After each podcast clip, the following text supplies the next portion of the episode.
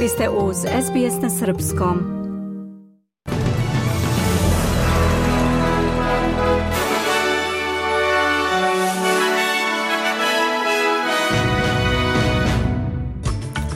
Očekuje se usvajanje vladinog plana za rešavanje energetske krize.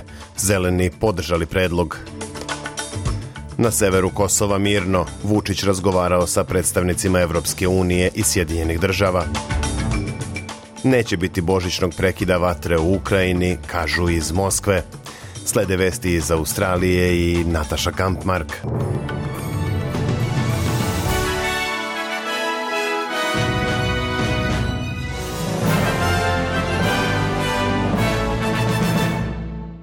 Nakon jučerašnjeg saslušanja bivšeg premijera Scotta Morrisona – Danas će tokom istrage Kraljevske komisije o kontroverznom vladinom programu Robodet biti saslušani visoki državni službenici. Kao svedoci pojavit će se Karen Harfield i Ben Lamley iz vladine službe za socijalne usluge Australian Services. Scott Morrison je juče izjavio da nije bio upoznat sa razgovorima između različitih ministarstava koji su signalizirali da je šema nezakonita.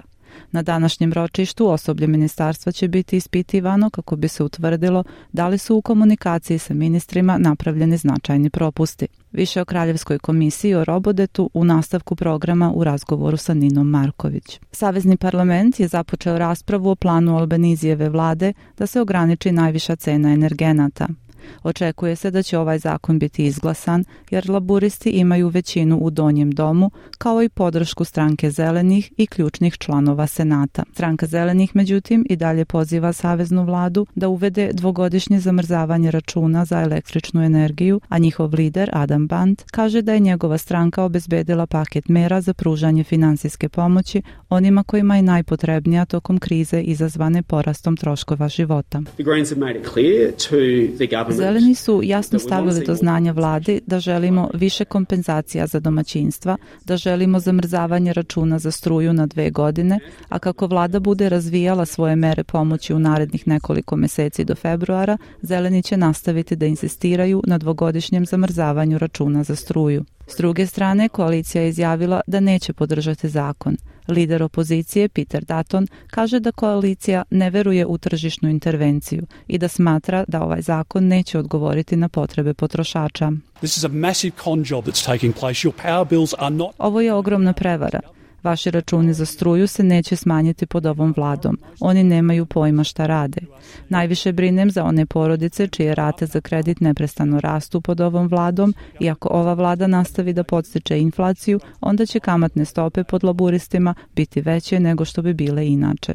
Australijska komesarka za elektronsku bezbednost Julie Inman Grant kaže da neke od najvećih svetskih tehnoloških kompanija ne uspevaju da reše problem seksualnog iskorišćavanja dece na internetu. U svom izveštaju komesarka ističe da se tehnologija neadekvatno i nedosledno koristi za otkrivanje materijala za zlostavljanje dece i pedofilsko zbližavanje, kao i da kompanije sporo reaguju kada korisnici prijave ovaj materijal. U skladu sa novim australijskim zakonom o bezbednosti na internetu, Agencija za elektronsku bezbednost je u avgustu uputila Apple-u, Meti, koja je vlasnik Facebooka i Instagrama, Whatsappu, Microsoftu i Skypeu, službeni dopis popis o osnovnim očekivanjima o bezbednosti na internetu. Odgovori primljeni od ovih kompanija prikupljeni su u izveštaj koji je prvi ove vrste u svetu i koji će se koristiti za podizanje bezbednostnih standarda širom industrije. Komesarka Grant kaže da neke kompanije ulažu značajne napore da se izbore sa najezdom materijala za seksualno iskorišćavanje dece na internetu,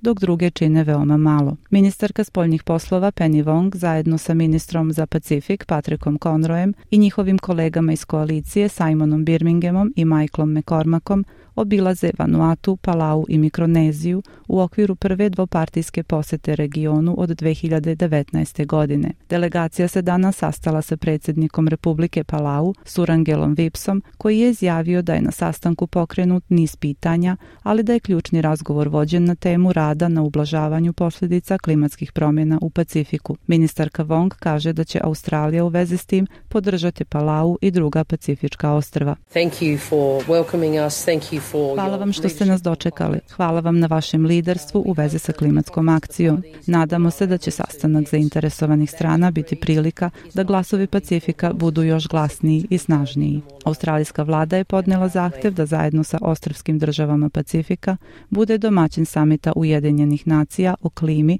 2026. godine. Novi izveštaj otkriva da bi izdavanje stalnih viza mlađim visokokvalifikovanim migrantima moglo povećati budžet Australije australijske vlade za 125 milijardi dolara u narednih 30 godina. Nova studija Instituta Gratan koja treba da bude podneta parlamentarnoj istrazi o migracionom sistemu Australije veruje da kvalifikovanim migrantima koji zarađuju 85.000 dolara i više u bilo kom zanimanju treba ponuditi trajno sponzorstvo poslodavca. Tokom poslednje decenije samo četvrtina stalnih viza je izdata migrantima na osnovu njihovih kvalifikacija – U kombinaciji sa oštrim viznim zahtevima, to Australiju čini manje privlačnom za mlade, globalno mobilne talente, pokazuje ova studija.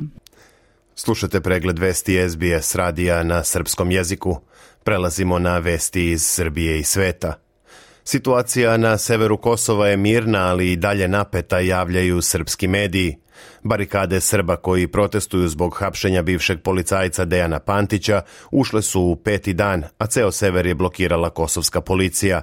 Predsednik Srbije Aleksandar Vučić razgovarao je sa izaslanicima Evropske unije i Sjedinjenih država o rešavanju krize kao i o konačnom sporazumu o normalizaciji odnosa – Vučić se najpre sastao samo sa predstavnikom Evropske unije Miroslavom Lajčakom, a zatim im se pridružio američki specijalni zaslanik Gabriel Escobar – Kako javlja N1, za sada se ne zna kakav je ishod sastanka.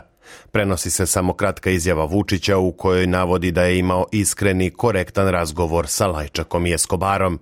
Vučić je pre sastanka rekao da za zapadne partnere ima jednostavno pitanje, a to je koje od pet važnih dokumenata koje su sami donosili žele da poštuju po pitanju Kosova, kao i da li će poštovati solunski dokument o proširenju Evropske unije na Zapadni Balkan, koji u potpunosti podržava proučava implementaciju rezolucije 1244. Specijalni predstavnik EU Miroslav Lajčak kratko je saopštio da se sastao sa Vučićem. Imali smo otvoren i iskren razgovor o političkom rešenju koje bi spustilo tenzije i omogućilo uklanjanje barikada. Vučić razume ozbiljnost situacije, napisao je Lajčak na Twitteru. Specijalni američki zaslanik za Zapadni Balkan Gabriel Escobar rekao je da ima napretka i razloga za optimizam. On je u razgovoru za RTS izjavio da ne želi da prejudicira ishod pregovora, ali je ocenio da u kontekstu aktuelne krize može da se vidi ne samo početak rešenja, već i prilika za novi dijalog. Escobar je ponovio da se Vašington zalaže za uspostavljanje zajednice srpskih opština na Kosovu. E, želim da kažem da ne, nema posledica, želim da kažem da je iz perspektive Sjedinih država to je pravno obavezujuća e, obaveza između Srbije, Kosova i Evropske unije i koji su se to dogovorili. Za nas je to takođe obaveza jer smo podržali taj uh, proces i jedna osoba, jedna politička partija ne mogu da, da se iz toga povuku jednostrano, tako da će biti osnovana zajednica srpskih opština i E, tražit ćemo načina uh, da e, tu ideju ostvarimo. Povodom najave Beograda da će prema rezoluciji 1244 tražiti povratak određenog broja svojih trupa na Kosovo, Escobar je rekao da Sjedinjene države odbijaju povratak srpskih snaga. Kako je naglasio, Amerika je protiv militarizacije problema i zalaže se za dijalog. Escobar je pozvao Srbe da se vrate u kosovske institucije i naglasio da želi da ih vidi tamo. On je također rekao da ljudi koji su postavili barikade treba da ih uklone, pošto se saslušaju njihove brige. Escobar kaže da ih je on saslušao i istakao da je njihova zabrinutost legitimna, a u mnogim slučajevima i opravdana, jer se osjećaju izolovano i nemaju odgovarajuću zastupljenost i uticaj u vladi koji bi trebalo da imaju. On je odbacio mogućnost da Sjedinjene države preuzimaju vodeću ulogu u rešavanju odnosa Beograda i Prištine, ali je naglasio da će preuzeti inicijativu za implementaciju dogovora poput zajednice srpskih opština, prenosi RTS. Srbija treba da istraje na zahtevu da se deo naših vojnika i policajaca vrati na Kosmet, izjavio je ministar odbrane Srbije Miloš Vučević za Radio Beograd 1. Mi treba da istrajemo na, na tome zato što ne samo da su ispunjeni pravno-tehnički osnovi, odnosno ima pravnih osnova za, za taj zahtev i on proizilazi pre svega iz rezolucije 1244, koju niko do danas nije stavio van snage, osim što smo imali izjave e, od nekoliko predstavnika iz Nemačke i Sjedinje država i ne samo iz tih država da nema osnova ili nema potrebe ili nisu stvoreni uslovi da se vrati naša vojska i policija na, na Kosovo i Metohiju, čime oni de facto denuciraju um, postojanje, odnosno snagu, pravnu snagu rezolucije 1244. Vučević je istakao da je sve što rade Priština i Albin Kurti usmereno ka tome da Srbi kažu da su umorni i da je nemoguće živeti i opstati na Kosovu i Metohiji. On smatra da smo na korak od toga da Priština krene u konačni obračun sa Srbima, ali i veruje da će KFOR ispuniti svoju misiju i obezbediti mir i sigurnost. Vučević je istakao da Srbija ima razrađene planove za svaki mogući scenario i da neće dozvoliti novu oluju. Vlada Srbije uz prisustvo predsednika države Vučića danas će raspravljati o upućivanju zahteva kforu za povratak određenog broja srpskih vojnika i policajaca na Kosovo. Šef misije Euleksa Lars Gunnar Vigemark rekao je da ima kontradiktorne informacije o uhapšenom Srbinu Dejanu Pantiću i da još ne zna gde se on nalazi. Vigemark je u intervju za Kosovo Online rekao da su neophodni lekovi za Pantića preko Euleksa dostavljeni i da je važno da pritvoreni bivši policajac bude tretiran prema svim odgovarajućim standardima i da je u odgovarajućem pritvorskom centru. I have received confirmation that he has received the Kontradiktorne informacije. Imam informacije da je primio terapiju i da nije. Istražujemo ovu situaciju. Mi smo dostavili lekove Kosovskoj policiji u Leposeviću i zahtevali smo da budu dostavljeni gospodinu Pantiću koji je zadržan na lokaciji koju zvanično ne mogu da potvrdim jer ne znam tačno gde je. Rečeno nam je da su lekovi dostavljeni, ali postoje kontradiktorne izjave iz nekih izvora.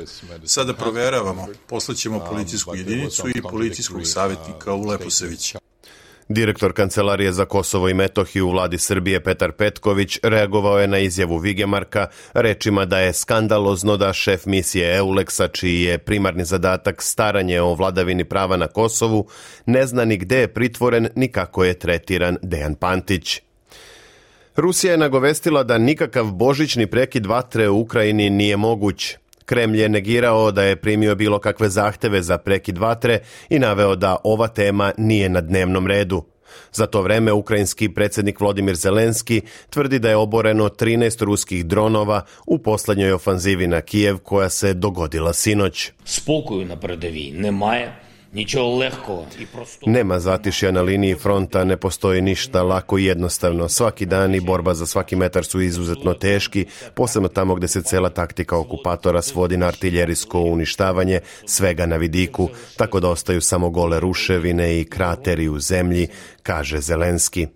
Kako prenose agencije, sirene za vazdušnu opasnost oglasile su se sinoć u mnogim gradovima i oblastima širom Ukrajine.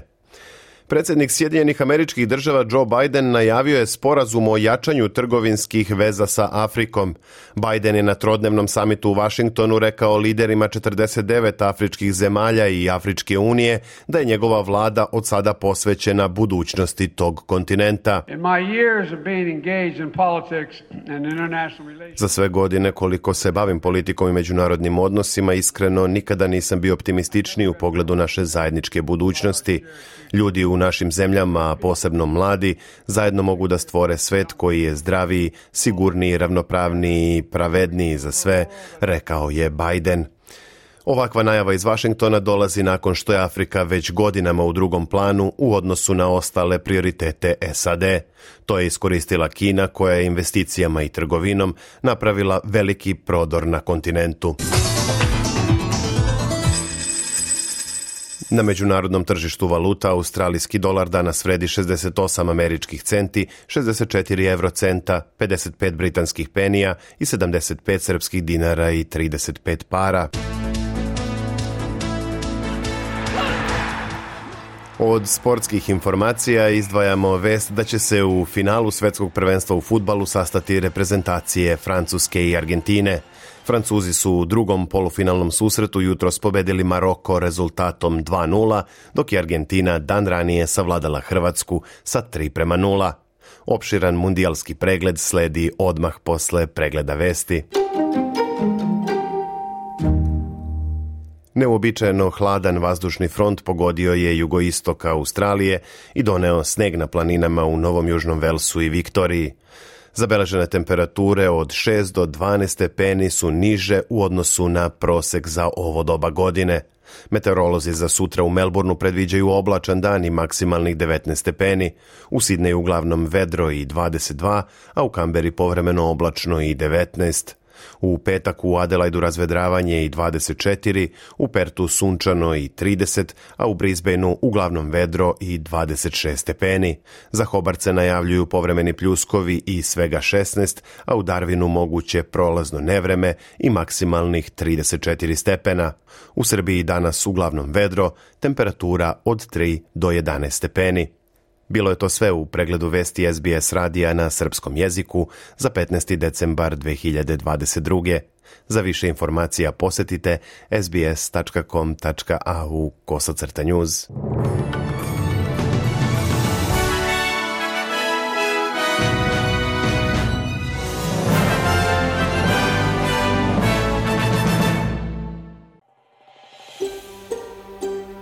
Želite da čujete još priča poput ove? Slušajte nas na Apple Podcast, Google Podcast, Spotify ili odakle god slušate podcast.